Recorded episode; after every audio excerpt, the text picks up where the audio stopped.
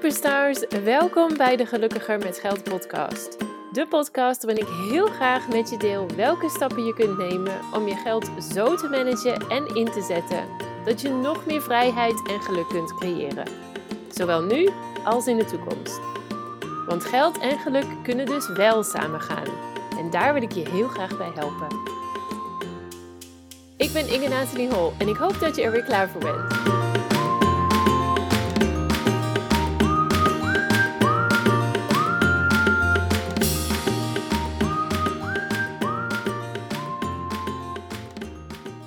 Ja, superleuk dat je luistert naar deze speciale aflevering. Het is namelijk aflevering 50 van de Gelukkiger met Geld podcast. Uh, misschien helemaal niet zoveel, 50 afleveringen, maar ik vind het toch wel waard om daar even bij stil te staan. Uh, als je al wat langer luistert, dan weet je misschien dat ik in, uh, was het oktober geloof ik? Ja, oktober 2021 ben ik redelijk spontaan in het Nederlands gaan podcasten. Ik, deed, ik had al een tijdje een Engelstalige podcast, de Financial um, Harmony podcast. En ik had opeens zin om gewoon weer lekker in het Nederlands uh, dingen te doen. Dus vandaar dat ik daar uh, redelijk spontaan mee ben begonnen. Nou, en ik vind het wel heel tof dat ik uh, nog geen half jaar later, of een half jaar later ongeveer, ja, het zal nu ongeveer, ja, oktober tot maart, dus natuurlijk zes maanden dat ik dan op 50 afleveringen zit. Wat betekent dat ik hopelijk later dit jaar al op de 100 afleveringen ga zitten. Dus dat. Superleuk dat je bij deze mini-jubileum-editie bent. Um, ik wil het hebben vandaag over uurtarieven. Ik heb namelijk um, pas, uh, nou ja, voor de vorige aflevering een interview met Jill van der Bos. Uh, ging natuurlijk een beetje over je prijs bepalen, dat soort dingen. En ik heb net ook een heel interessant gesprek gehad met een onderneemster over je uurtarief bepalen. En ik merk wel vaker dat dit toch best wel een dingetje is voor veel ondernemers. Om nou precies te bedenken, ja, hoe bepaal ik nou mijn uurtarief? En uh, of hoe verhoog ik mijn prijzen nou? Um, ik denk dat je er heel veel theorieën op kunt loslaten over hoe je precies je prijs kan bepalen, hoe je je uurtarief kan bepalen en al dat soort dingen. En um, nou ja, ik, um, ik wil in elk geval aan die discussie iets bijdragen op het gebied van de persoonlijke financiën. Want dat is natuurlijk toch wel mijn dingetje om echt naar de persoonlijke financiën te kijken en hoe je die vertaalslag maakt van succesvol ondernemen naar uh, ook succesvol persoonlijke financiële vrijheid en uh, ja, onafhankelijkheid creëren. Dus, dus daar wil ik mijn uh, steentje aan bijdragen. Betekent dit nou dat je op een hele andere manier je uurtarief moet gaan berekenen? Nou, dat denk ik niet per se. Uh, sowieso zijn er heel veel manieren om je uurtarief te berekenen. Maar ik wil wel echt een stukje bewustwording creëren over ja, wat een uurtarief nou eigenlijk voor jou persoonlijk betekent. Want daar gaan we best wel heel erg vaak aan voorbij, denk ik. Tenminste, ik zie dat best vaak gebeuren. Dus daar wil ik graag iets aan, uh, iets aan bijdragen.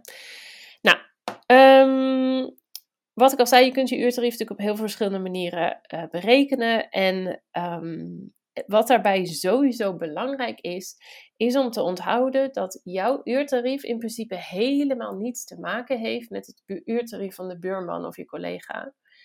Um, want in jouw uurtarief, dat, daar mag jij je persoonlijke behoeften en je persoonlijke kennis en kunde, daar mag je er natuurlijk in verwerken. Maar het is ook heel erg belangrijk om je erbij stil te staan dat, um, en ik hoor dit soms wel een beetje als um, reden om, om je prijs niet te verhogen, dat noem ik dan vaak maar even een excuus, is namelijk dat conculega's bijvoorbeeld het voor veel goedkoper aanbieden. En dat mag best wel zijn. Maar sowieso ken je de, de situatie van die conculega niet. Het kan best zijn dat zij veel minder grote dromen hebben en dus ook minder geld nodig hebben kan ook best zijn dat zij een partner hebben die hartstikke veel geld binnenbrengt. En uh, dat ze daarom zelf minder hoeven te vragen per uur.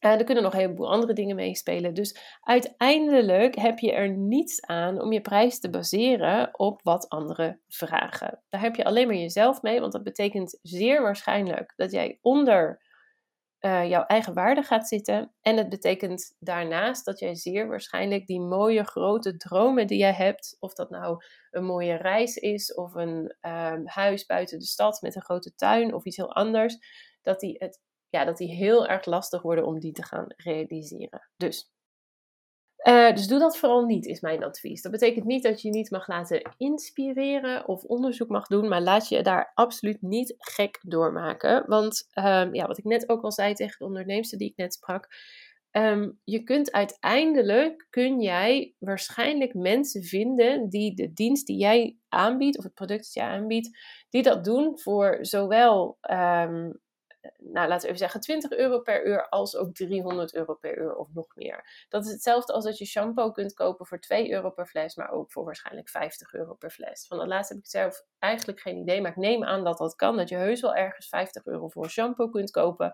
En je kunt het waarschijnlijk ook zo goedkoop krijgen als 2 euro per shampoo. En dan zou je kunnen zeggen, ja, maar die 50 euro die heeft toch geen kans van slagen? Ja, die heeft dat dus wel.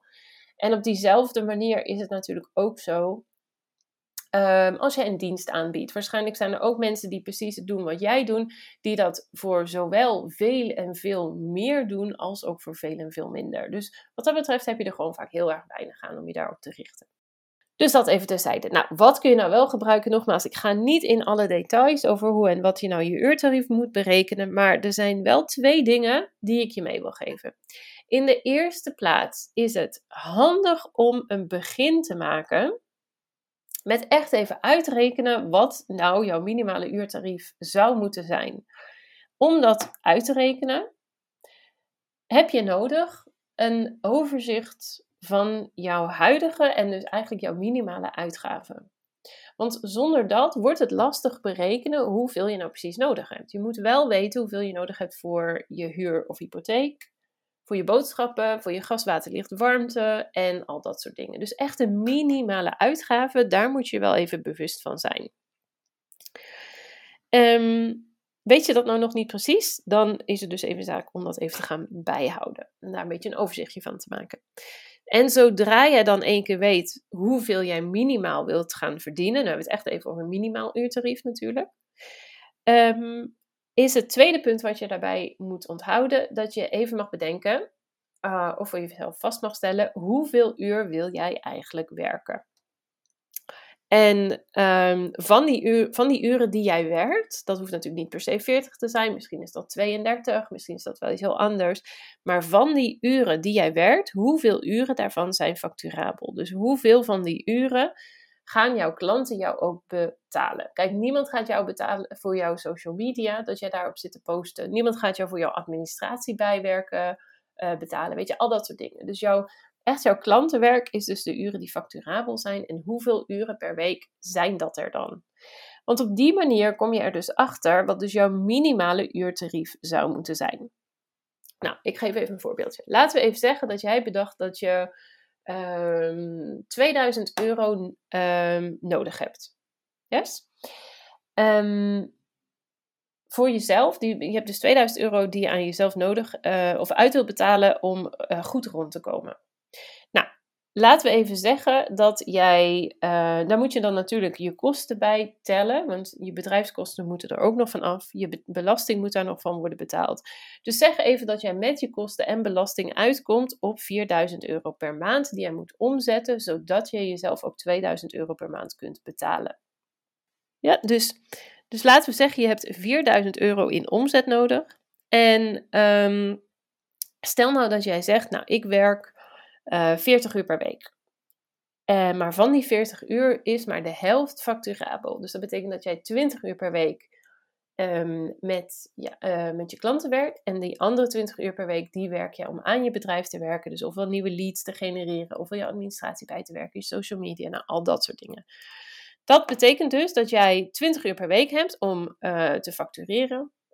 Dan zeggen we even dat er vier weken in een maand zitten. Ik weet dat die altijd klopt, maar anders wordt het wel een hele lastige berekening.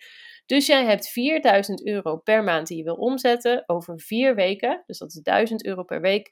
Gedeeld door die 20 uur, uh, sorry, 20 uur die jij um, kunt factureren per week. Dat betekent dus 50 euro per uur die jij kan vragen. Zodat jij met 20 facturabele uren per week en dan vier weken per maand 4000 euro omzet. Oké? Nou, dat is. Um, ehm, 50 euro is natuurlijk helemaal niet zoveel. Maar goed, 2000 euro is natuurlijk ook helemaal niet zoveel. Daar kun je in principe wel waarschijnlijk van rondkomen, maar het is niet dat het echt overhoudt. Maar goed, dat is natuurlijk een hartstikke goed beginpunt, zodat jij weet Ehm, nou, dit is het bedrag wat ik ehm, minstens moet vragen. Dan mag je ook even checken, voel ik me hier fijn bij. Maar, en hier komt de grootste maar. Ehm, heel vaak zie ik dat ondernemers dan blijven hangen op dat uurtarief. Dan vinden ze het vervelend om hun prijzen te verhogen. Dan vinden ze het vervelend om ofwel bestaande klanten ofwel nieuwe klanten die nieuwe prijs mee te delen als ze bedenken ik wil meer gaan verdienen. Daar zit een heel stuk money mindset wat, gewoon, ja, wat dan gewoon in de weg zit en absoluut niet helpt als het komt op je prijzen. Ehm, als het neerkomt op je prijzen verhogen. Nou, hoe verhoog je nou precies die prijzen? En ik denk dat dit heel erg belangrijk is om hier rekening mee te houden. Die prijzen, ehm, net zoals de supermarkt, mag jij ook je prijzen verhogen. Want jij moet ook meer betalen in de supermarkt. En als de supermarkt het verhoogt, dan heb, moet jij dus ook je prijzen bijstellen, want je hebt ook meer inkomen nodig natuurlijk. Van de andere kant, wat ik net zei, met die 50 euro per uur, dus 2000 euro per um, maand, zullen de meesten zullen niet geweldig veel geld overhouden. Um, en dat betekent dus dat je misschien wel fijn je gas, water, licht en je huurhypotheek en je boodschappen kunt betalen. En misschien een kleine vakantie. Maar hoe zit het dan bijvoorbeeld met sparen? Uh, of bijvoorbeeld je pensioen regelen, inleggen voor je pensioen. Of misschien zelfs wel het stukje uh, beleggen. En hoe ben, je, hoe ben jij een, een buffer aan het opbouwen? Dus ik denk dat het als ondernemer echt heel erg belangrijk is om een goede buffer te bouwen op te bouwen, zodat als jij een keer een mindere maand hebt, jij daar ook makkelijker op kunt reageren door jezelf meer tijd te kopen, omdat je gewoon geld opzij hebt staan die je dan naar jezelf kunt overmaken. Dus al die dingen zijn wel heel erg belangrijk om mee te nemen en dus niet te blijven hangen op een uurtarief wat jij ooit eens een keer hebt vastgesteld, waarvan jij nu eigenlijk helemaal niet weet, ja maar hoe ga ik dan mijn droom realiseren? Want met 50 euro per uur zul je daar niet komen. En om dan je droom te realiseren, mag je dus een stapje verder gaan en mag je dus berekenen, ja, maar hoeveel heb ik daar dan voor nodig? Dus hoeveel zou ik willen uh, verdienen, zodat ik ook naar mijn droom kan toewerken? Dus dat huis, die reis, uh, ook die buffer, sparen, investeren. Er zijn zoveel dingen dat je met je geld kan en mag doen. En het is wel echt belangrijk om dat in je uurtarief op te nemen. Want uiteindelijk ben jij de enige die daar verantwoordelijkheid voor kan nemen. Jij bent de enige die ervoor moet zorgen dat het geld dat bij jou binnenkomt, dat dat ook genoeg is om niet alleen je vaste lasten mee te betalen, maar ook de leuke dingen en ook een financiële zekerheid voor jezelf op te bouwen. Dus, um, dus heel leuk als jij een uurtarief hebt, maar dan nodig ik je bij deze dus uit om eens na te gaan bij jezelf hoe, of wat betekent dit eigenlijk voor de lange termijn? Wat betekent dit qua sparen, beleggen, investeren? Um, nou ja, al die dingen. Hypotheek afbetalen bijvoorbeeld. Stel dat je die versneld wil afbetalen. Um, investeringen doen binnen je bedrijf. Dat komt er natuurlijk ook bij kijken. Al die dingen mogen, um, mag jij meenemen als het neerkomt op je prijs bepalen, op je uurtarief bijstellen en dus eventueel je prijzen verhogen. Kom je nou op een uurtarief door deze oefening en denk je nou van ja, nee jongens, dit is echt twee keer zoveel, misschien wel nog meer dan wat ik nu vraag, dan betekent dat niet dat je dat niet kan. Dat betekent dan alleen dat dat misschien een iets langere weg is naar dat nieuwe uurtarief. Dus stel nou dat jij nu 50 euro per uur vraagt en je weet dat je ideale tarief misschien 100 euro per uur is, of misschien nog wel meer, dan zal het lastig zijn voor de meeste van ons om van 50 morgen opeens 100 euro te maken. Dat snap ik. Maar laat je erin dan ook weer niet tegenhouden door te zeggen: ja, nee, dat kan niet, dat is veel te veel. Dat vragen mijn collega's ook niet. Ga dan eens van 50 naar 60 en zie wat er dan gebeurt.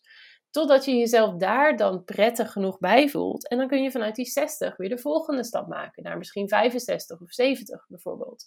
Dus, um, dus ook al is je ideale uurtarief hoger dan wat je nu vraagt Um, en als dat heel lastig voelt, laat je jezelf, ja, wat ik al zeg, daar niet door tegenhouden. Maar zie dat gewoon als een uitnodiging dat je juist stappen moet zetten om naar jouw droom toe te kunnen gaan werken.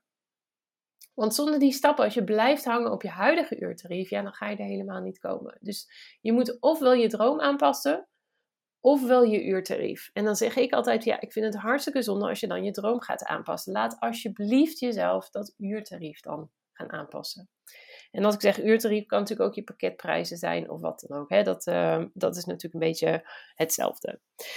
Nou, ik, uh, ik hoop dat je hier wat aan hebt. Ik hoop dat je hier wat mee gaat doen. Um, ik zou het heel leuk vinden als je me laat weten uh, wat je huidige uurtarief is en of je het nog eens een keer hebt nagerekend en of dat nog wel helemaal klopt of wat je ideale uurtarief is. En heb je nou zoiets van, oh, ik wil hier echt veel meer van weten, ik wil hier echt mee aan de slag, want anders blijf ik hier maar op hangen met wat ik nu doe en het is maar een beetje aanklooien en ik kom nooit eens ergens. Zoek me dan even op Instagram onder gelukkiger.met.geld. Stuur me even een berichtje, want dan zetten we even een gratis gesprek op. En kijk even met je mee. Geef ik je ook meteen wat tips mee over hoe en wat en wat je meteen kunt gaan doen. Yes?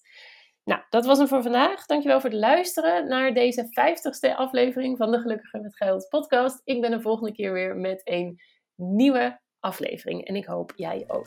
Tot dan. Doei! Dankjewel weer voor het luisteren naar deze aflevering van de Gelukkiger met Geld podcast. Ik hoop dat je er heel veel waarde uit hebt kunnen halen. En ik zou het dan ook super leuk vinden als je deze aflevering kunt delen op Instagram.